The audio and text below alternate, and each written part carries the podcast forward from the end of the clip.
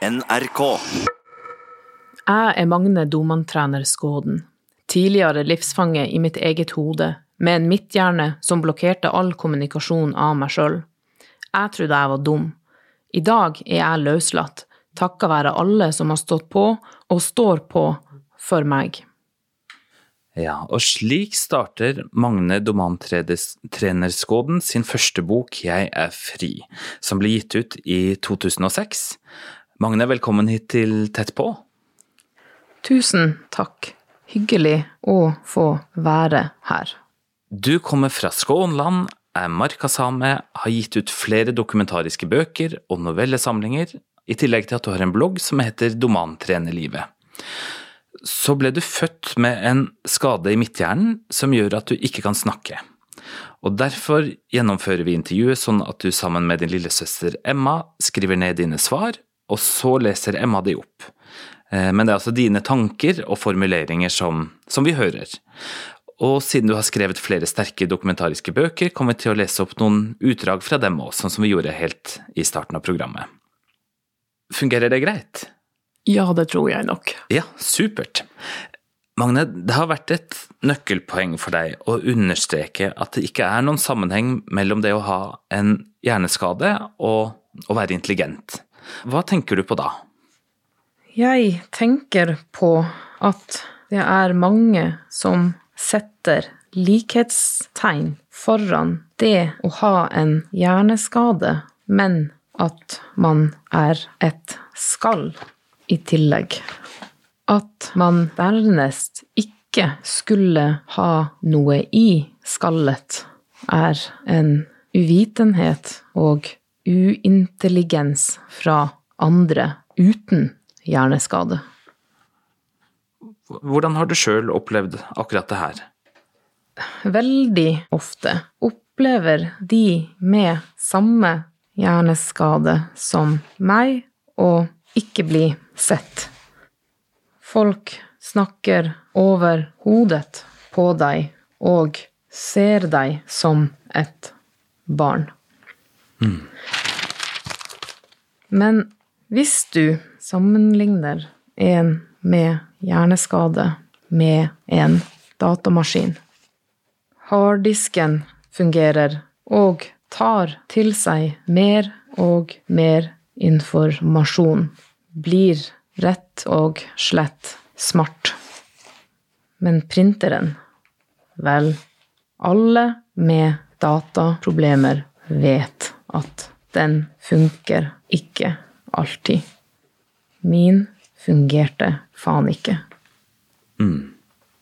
Magne, i, i den perioden før du begynte å kommunisere med omverdenen, hvordan lærte du deg ting? Hvordan opererte du sjøl? Hvordan forholdt du deg til omverdenen? Å, herregud. Det har jeg ikke tenkt på på veldig lenge. Jeg tror nesten jeg har glemt eller fortrengt hvordan det var. Det handlet for min del nesten om å overleve til slutt. Jeg skjønte ikke hvorfor ingen forsto hva jeg sa. Jeg snakket da helt tydelig, mente jeg. Det hendte seg at jeg var sammen med de andre i vanlig undervisning, særlig på barneskolen. Da var jeg som en svamp, sugde til meg alt av kunnskap jeg fikk. Siden min cortex er nesten overutviklet som følge av at mellomhjernen er skadet, har jeg en slags klisterhjerne og fotografisk minne. Men forsto omgivelsene at du forsto? Både og, vil jeg si. De fleste rundt meg, i nærmeste krets, har vel alltid hatt en større tro på meg enn det såkalte fagmiljøet i Norge. Familien min har aldri gitt opp, og har alltid behandlet meg som en likemann. Det virker som at du har hatt gode hjelpere rundt deg. Ja, jeg har det. Jeg har vært heldig som har vokst opp i ei samisk bygd. Det er jeg sikker på. Hvorfor har det vært en fordel at du har vokst opp i en samisk bygd?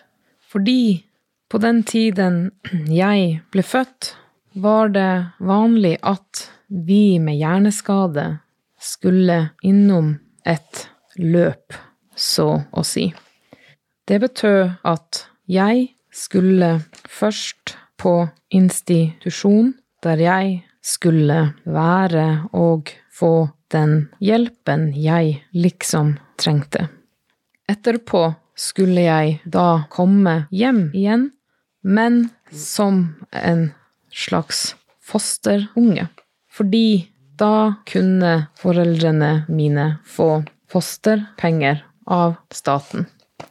Så fremmedgjørende, det hørtes ut. Ja, ikke sant? Det var slik den tiden. Jeg ville vokst opp hjemmefra og ville ikke fått samme relasjon til mine søsken og foreldre og slekt. Men i samisk kultur er det mye mindre vanlig å gjøre slikt, føler jeg. Husker du vendepunktet? Første gang du skrev et ord som noen andre forsto? Ja, det er jo godt beskrevet i bøkene mine. Men vi begynte jo med domantrening i 2005. Da var jeg 27. Programmet er et ganske hardt fysisk program for å stimulere hjernen og slik rette på feil hjerneskaden gir. Også fysisk. Treningen hadde også et intelligensprogram. Der var øving på fasilitert skriving en del av det. Først skjønte jeg ikke helt vitsen. Det var jo andre som skrev, følte jeg. Men etter hvert skjønte jeg at dette er øvelse på noe mer, og at dette ville bli min åpning til verden.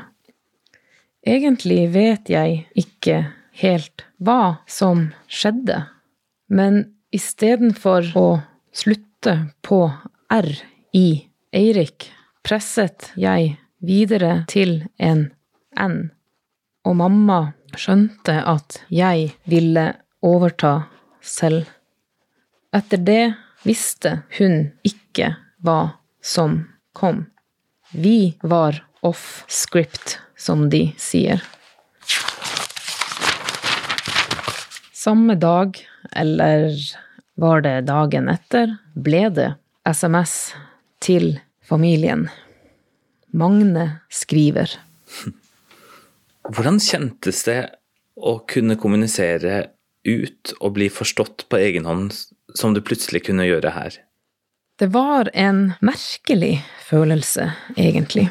Litt uvirkelig på et vis, og selvsagt veldig godt. Nå er det jo så mange år siden 2005 at jeg nesten har glemt at jeg ikke har kommunisert som dette. Kanskje er det fordi man blir eldre og klokere og bestemmer seg for å legge vekk gamle følelser og gammelt skit. Jeg hadde jo en lang prosess der jeg måtte få ut alt. Absolutt alt. På mange måter er du en ny tid, da. Eh, og du har jo brukt en del tid på å skrive. Kan du fortelle litt om, om eh, drivkraften i forfatterskapet ditt? Jeg drives av å få fortelle min historie. av å kunne forklare hvordan det var å være meg, innelåst og hjelpeløs. Men det var vondt. Derfor distanserte jeg meg med å skrive Jeg hadde en underlig drøm. Og akkurat den eh, boka, Magne, der, der lurer jeg på om vi skulle Om vi kunne lest litt fra den? Altså fra første, fra første partiet der. Ja, det vil nok forklare det litt mer. 11.8.05 Mamma, jeg skal nå fortelle om en underlig drøm jeg hadde i natt. Jeg var alene i et stort hus, og ingen visste at jeg var der. Jeg ropte og ropte om hjelp, men ingen så eller hørte meg. Jeg hadde ikke noe valg, jeg måtte begynne å banke i veggene. Jeg banka og ropte, men ingen hørte noe. Det som var underlig, var at jeg kunne høre og se alle menneskene som var ute, men de hørte ikke meg. Jeg ble helt fortvila, og jeg begynte å banne og forbanne alle som ikke hørte eller så meg. Jeg har ikke tenkt å si mer om den drømmen nå, for det gjør så vondt å tenke på den tida jeg satt alene i det store huset mitt. Jeg satt i vinduet og så at mange mennesker gikk forbi, og jeg ropte til dem at de måtte slippe meg ut, men de hørte meg ikke. Jeg banka og ropte, men de så ikke opp. Jeg ble så frustrert at jeg begynte å banne og forbanne dem, og jeg lovte at hvis jeg kom ut, så skulle jeg ta hevn. Mamma, så skjedde det noe underlig. Jeg så plutselig at det var kommet noe inn i huset mitt. Jeg begynte å undersøke det, og jeg fant ut at det var et stort bord som sto der. Jeg la meg på bordet og gråt, men det skjedde ikke noe mer, og jeg gikk ned av bordet. Mamma, så begynte andre ting å skje. Jeg så at det kom flere mennesker inn i det store, tomme huset mitt, og jeg lurte på hva de skulle der. Jeg spurte dem, men de svarte ikke, og jeg ble rasende og ba dem om å forlate straks. Men de gjorde ikke det. Jeg la meg igjen på bordet, og da kom alle menneskene og begynte. Og så ble det fart i sakene i huset mitt. Jeg måtte stadig ligge på det store bordet, og menneskene bevega armer og bein. Jeg begynte å like det, sjøl om jeg hadde vært rasende for at de kom. Mamma, så skjedde det igjen noe underlig. Menneskene begynte å snakke med meg, og de forventa at jeg skulle svare. Men jeg nekta å svare. Jeg var enda rasende for at de hadde trengt seg inn i mitt hus. Jeg nekta å svare dem, for jeg hadde ikke glemt at jeg hadde ropt og skrekket om hjelp til dem før, men de hadde ikke svart meg. Jeg bestemte meg for at jeg ikke skulle svare dem uansett. Men de ga seg ikke. Jeg måtte bare finne meg i at huset mitt ble invadert av en masse mennesker jeg ikke kjente. Mamma, i begynnelsen var det grusomt. Jeg hadde mest lyst å jage dem ut og få tilbake det fredelige huset mitt. For jeg hadde etter hvert vent meg til at jeg var alene i huset. Men jeg begynte etter hvert også å like all den trafikken som var i huset mitt, og jeg tenkte at det kanskje ikke var så dumt å begynne å svare når de snakka til meg. Og jeg begynte å gjøre det. Men så oppdaga jeg at de ikke forsto det språket jeg snakka. Jeg hadde trodd at vi snakka samme språk, men det var ikke sånn. Jeg hadde et helt annet språk enn de menneskene som kom og gikk i huset mitt. Jeg begynte å tenke at jeg kanskje måtte prøve å lære meg de menneskenes språk. Jeg begynte å herme lyder, og jeg kunne merke at jeg fikk det til. En dag snudde et av menneskene seg til meg og svarte på det jeg sa. Jeg ble helt forvirra, og jeg tok tak i mennesket og spurte om det var sant at hun forsto meg. Hun svarte at jeg snakka hennes språk, derfor forsto hun meg. Jeg begynte å gråte av glede, og jeg tenkte at jeg skulle lære meg mer av det språket. Men så forsvant hun, og jeg fikk ikke sagt at jeg forsto alt hun sa til meg, sjøl om hun ikke forsto alt jeg sa. Mamma, da gråt jeg igjen, for jeg trodde at jeg igjen skulle bli alene i huset mitt. Det var et utdrag fra 'Jeg hadde en underlig drøm'. Det er jo sterkt å høre det her, eh, Magne. Når du, når du hører eh, din egen tekst igjen nå, hva, hva tenker du nå? Helt ærlig er det sterkt for meg også. Det er vanskelig å huske på eller bli påminnet at det en gang var slik at drømmen ikke egentlig er en drøm, men at dette var min virkelighet i så mange år, og at det fremdeles sitter mange som meg i en slik situasjon. Det er også grunnen til at jeg skrev alle disse fablene. For å opplyse og for å gi et håp til de som har det som jeg hadde det. Tror du det er andre i Norge og i, og i Sápmi som sitter i en lignende situasjon som du satt i? Jeg tror ikke. Jeg vet at de er der. Men mange har sluppet fri, som jeg, og mange har takket meg for at jeg turte å fortelle hvordan det var, og hvordan det er.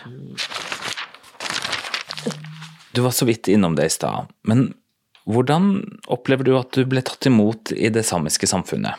Jo, altså, hvis vi nå tar det samiske forfattermiljøet, blant annet. Da jeg hadde publisert en del titler, følte jeg vel at jeg var en samisk forfatter, og tok kontakt med SGS, altså Sami Girje Chaliservi, for medlemskap. Sami Girje Chaliservi var åpen, positiv, og jeg ble medlem med en gang. For dem var det ingen utfordring at jeg hadde hjerneskade og ingen tale. Tidligere leder Karen Anne Buljo kalte meg en gang for Sami Girri Chaliservi sin kaktus. For en kaktus holder ut i det lengste i tørken, og man skal heller ikke skue den på piggene sine. Jeg føler meg alltid velkommen og godtatt i de fleste samiske sammenhenger. SGS innlemmer meg i antologier, turer og annet. Det er aldri spørsmål om noe annet, liksom. For dem er min hjerneskade en slags naturlig greie.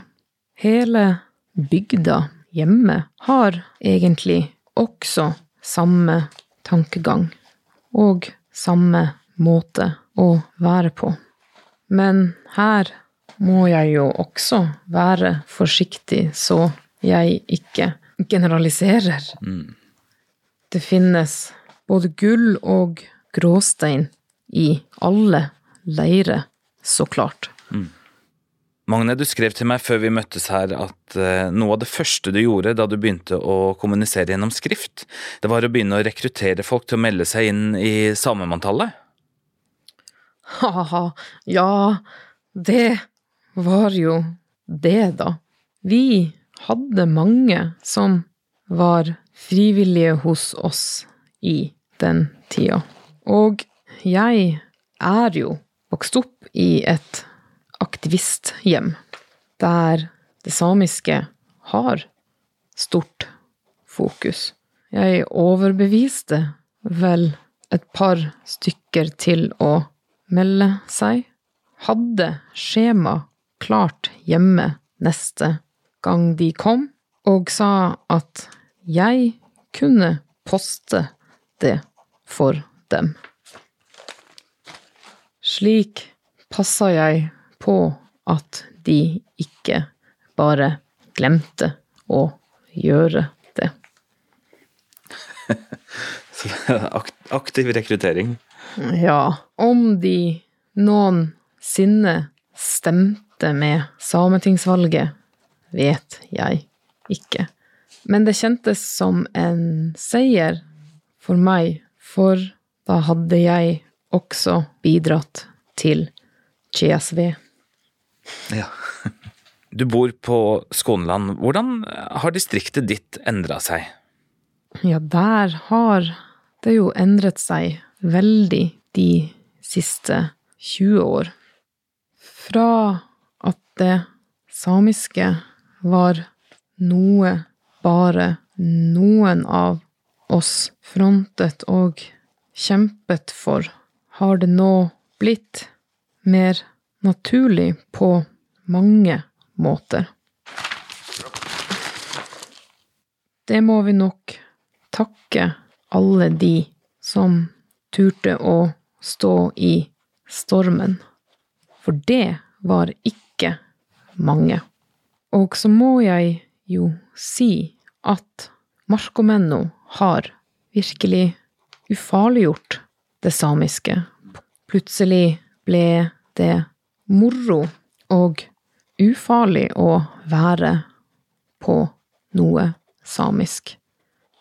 Men man skal huske at det ene kommer ikke uten det andre. Mm. Uten aktivistforeldre hadde nok ikke aktivistungene starta festival. Ser du på deg sjøl som aktivist? Ja, absolutt. Det er nesten umulig å ikke være det i vår familie. Jeg har jo alltid stilt opp med kofte på samiske arrangement i en tid der vi måtte være fyllmasse, nesten, for samiske teatre eller artister som kom til Skånland og Harstad, og fylle salen for å vise arrangører at vi er her, og at vi vil ha mer samisk kultur. Hvor- Hvorfor er det viktig å ha mer samisk kultur? Oi, godt spørsmål. Hvorfor ikke, egentlig? Ja, jeg har ikke noe godt svar på det. Nei, ikke jeg heller. Men det er vel noe med å føle seg hjemme, kanskje. Føle seg godtatt og trygg og ja, hjemme blant sine. Du, er det, er det sånn at du leser og skriver samisk, er det rett? Ja, det stemmer. Har du skrevet noe som forfatter på samisk? Ja, jeg har skrevet den boka som heter Attemunne Vihta Sani, Gi meg fem ord, Give me five words. De samiske tekstene er basert på fem samiske ord noen ga meg, og jeg diktet historier. Men var det sånn at det ble snakka norsk hjemme? Fordi man ikke visste om du forsto? Det er riktig, på sett og vis. Mamma hadde jo også bare kjøkkensamisk, egentlig. De snakka jo norsk til ungene. Så vi har ikke hatt noe aktivt samisk språk før samiskundervisninga begynte. Men da var det også slik at mamma var redd for at jeg skulle føle meg utenfor om vi snakket bare samisk. Fordi på den tida visste selv ikke mine foreldre om hvor til stede jeg var. Magne Domantrener Skåden, tusen hjertelig takk for at du eh, var med i Tett på. Jo, takk for at jeg fikk komme. Det har vært hyggelig. Og tusen takk til deg, Emma, for at du har eh, hjulpet, hjulpet oss underveis og, og bidratt til, å, til at vi kan eh, få høre hva Magne tenker og mener. Jo, det har, eh, som broderen sier, det har vært eh, hyggelig. Dette var siste episode av denne sesongen av Tett på fra NRK Sápmi. De andre episodene i serien er tilgjengelig som podkast og på NRK sine nettsider. Svein Lian takker for følget. Programmet er produsert av 1 til 1 Media.